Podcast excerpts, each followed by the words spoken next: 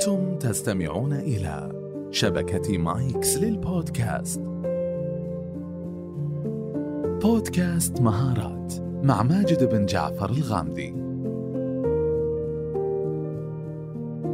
قامت جامعة هارفارد بدراسة عن المهارات وقسمتها إلى مهارات صلبة ومهارات ناعمة.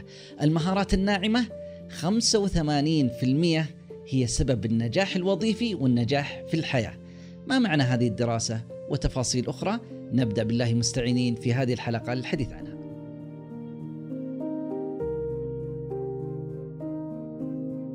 السلام عليكم ورحمة الله وبركاته. حياكم الله في الموسم الرابع. تحت عنوان مهارات ناعمة. هذا المصطلح من أين أتى؟ حقيقة هو مصطلح أجنبي وليس له أصل في اللغة العربية عميق. مهارات ناعمة soft skills. بمعنى أن هناك مهارات صلبة ومهارات مقابلها ناعمة. لن أدخل في جدلية الترجمة خشنة أو صلبة أو غيرها ولكن سوف أتحدث عن أصل الفكرة. المهارات الصلبة هي مهارات قابلة للقياس هي مهارات تعلم في المدارس تعلم بطريقة معينة مثل المهارات التي نراها عادة فيما يتعلق في الرياضيات والحساب وغيرها من المهارات التي قابلة للقياس لأنه لديها قواعد جامدة ثابتة صلبة محددة وقابلة للتعلم. أيضا مثل الكتابة والقراءة واستخدام برامج الحاسب الآلي وغيرها بينما على العكس المهارات الناعمة التي لا يوجد لديها قواعد ثابتة أصلا ولا يوجد قواعد مستمرة ولكن المرونة فيها عالية ومتغيرة. المهارات الناعمة مثل مهارات التواصل والتفاعل تتغير أصلا من مكان إلى مكان فلك أن تتصور كيف يتعامل الإنسان في مهارات التواصل من ثقافة إلى ثقافة من وقت إلى آخر من تقنية ومنصة إلكترونية إلى منصة أخرى يختلف طريقة التواصل، من مزاج فرد إلى مزاج آخر، من عمر الذي أمامك لأن مهارة التواصل إذا كان كبير إذا كان صغير حسب مسمى الوظيفي وغيرها من الأمور. هذا مثال لمهارة واحدة مهارة التواصل، المهارات الناعمة كثيرة متعددة بحر سوف نسبح فيه سويا إن شاء الله تعالى حتى نتعرف عليها أكثر خاصة وأن الدراسات تقول أن المهارات الناعمة هي الأهم. وحسب دراسة عن مستقبل الوظائف الصادر عن المنتدى الاقتصادي العالمي في عام 2020 أن هناك الكثير من الوظائف في طريقها للاختفاء بحلول العشر سنوات القادمة. وذلك نتيجة لأسباب كثيرة واحد منها الذكاء الاصطناعي والريبوتات وغيرها من عوامل اقتصادية واجتماعية أخرى سوف تستبدل الكادر البشري إلى كادر آخر أكثر تأهيلا. والدراسة كان ملخصها وتوصيتها أن الذين سوف يكون لهم مستقبل أكثر في الوظائف القادمة هم من يملكون المهارات الناعمة وعلى رأسها المرونة الذي يستطيع أن يتعلم سريعا ويغير سريعا في طريقة تعامله وأمور حياته. مهارات كثيرة متعددة المهارات الناعمة واحدة منها مهارة الحديث أمام الآخرين والإلقاء وغيرها. ولذلك يقول وان بافيت المقولة الشهيرة يقول يمكنك من خلال إتقان مهارة الإلقاء زيادة قيمتك الشخصية في السوق الوظيفي بنسبة 50% وهذه نسبة جديرة بالاهتمام. إذا بتزيد قيمتي الوظيفية والراتب اللي بيعطوني إياه 50% بس بعد توفيق رب العالمين بفضل مهارة الحديث أمام الآخرين وإقناعهم وكل شيء سوف يتعلمها الإنسان تلقائيا فما بالك كيف سوف تكون في أمورك الحياتية في حصولك على درجات أعلى وظيفيا وحياتيا. وأيضا من ناحية وظيفية أشارت منظمة NACE إلى أنه عندما طلب من أصحاب العمل ومدراء الموارد البشرية حددوا لنا الصفات التي تبحثون فيها في المرشحين لهذه الوظائف، من اللي بتوظفونه؟ قال والله هي ثلاث سمات أساسية نبحث عنها في عالم التوظيف. واحد مهارات التواصل الكتابي بنسبة 82%. اثنين مهارات حل المشكلات بنسبة 80%.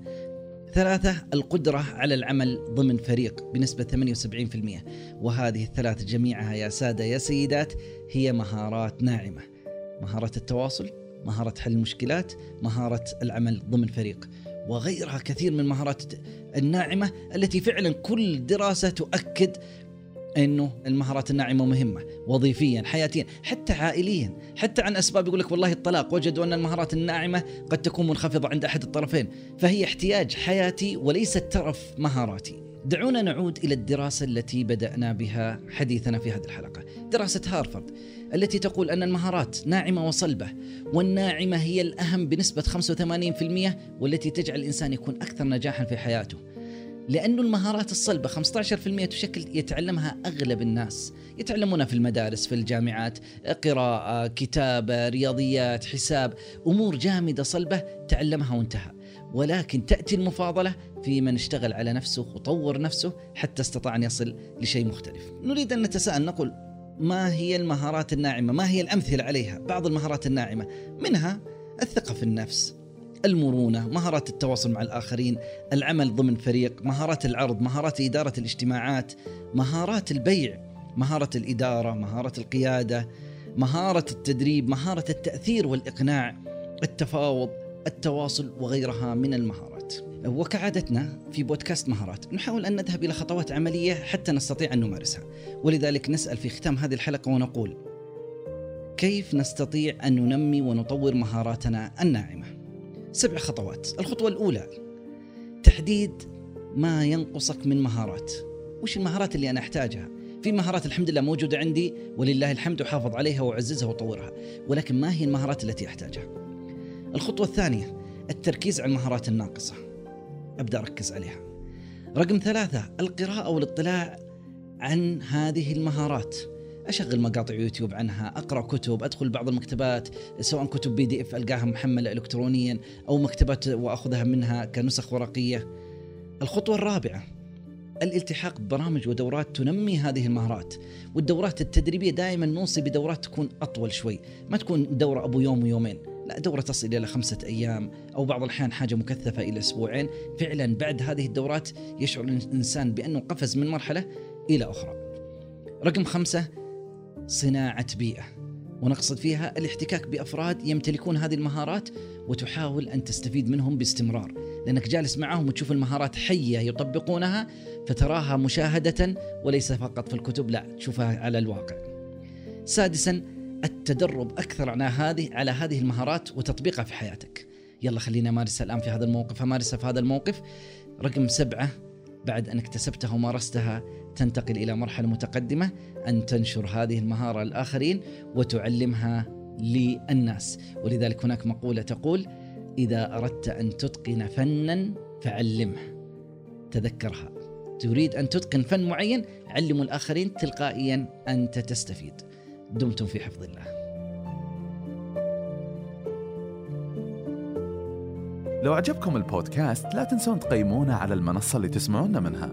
وأيضا تقدرون تتركوا لنا تعليقاتكم وردودكم في أبل بودكاست وأخيرا يسعدنا مشاركتك للحلقة للناس اللي حولك اللي تعتقد أنهم بيكونون مهتمين بمحتواها.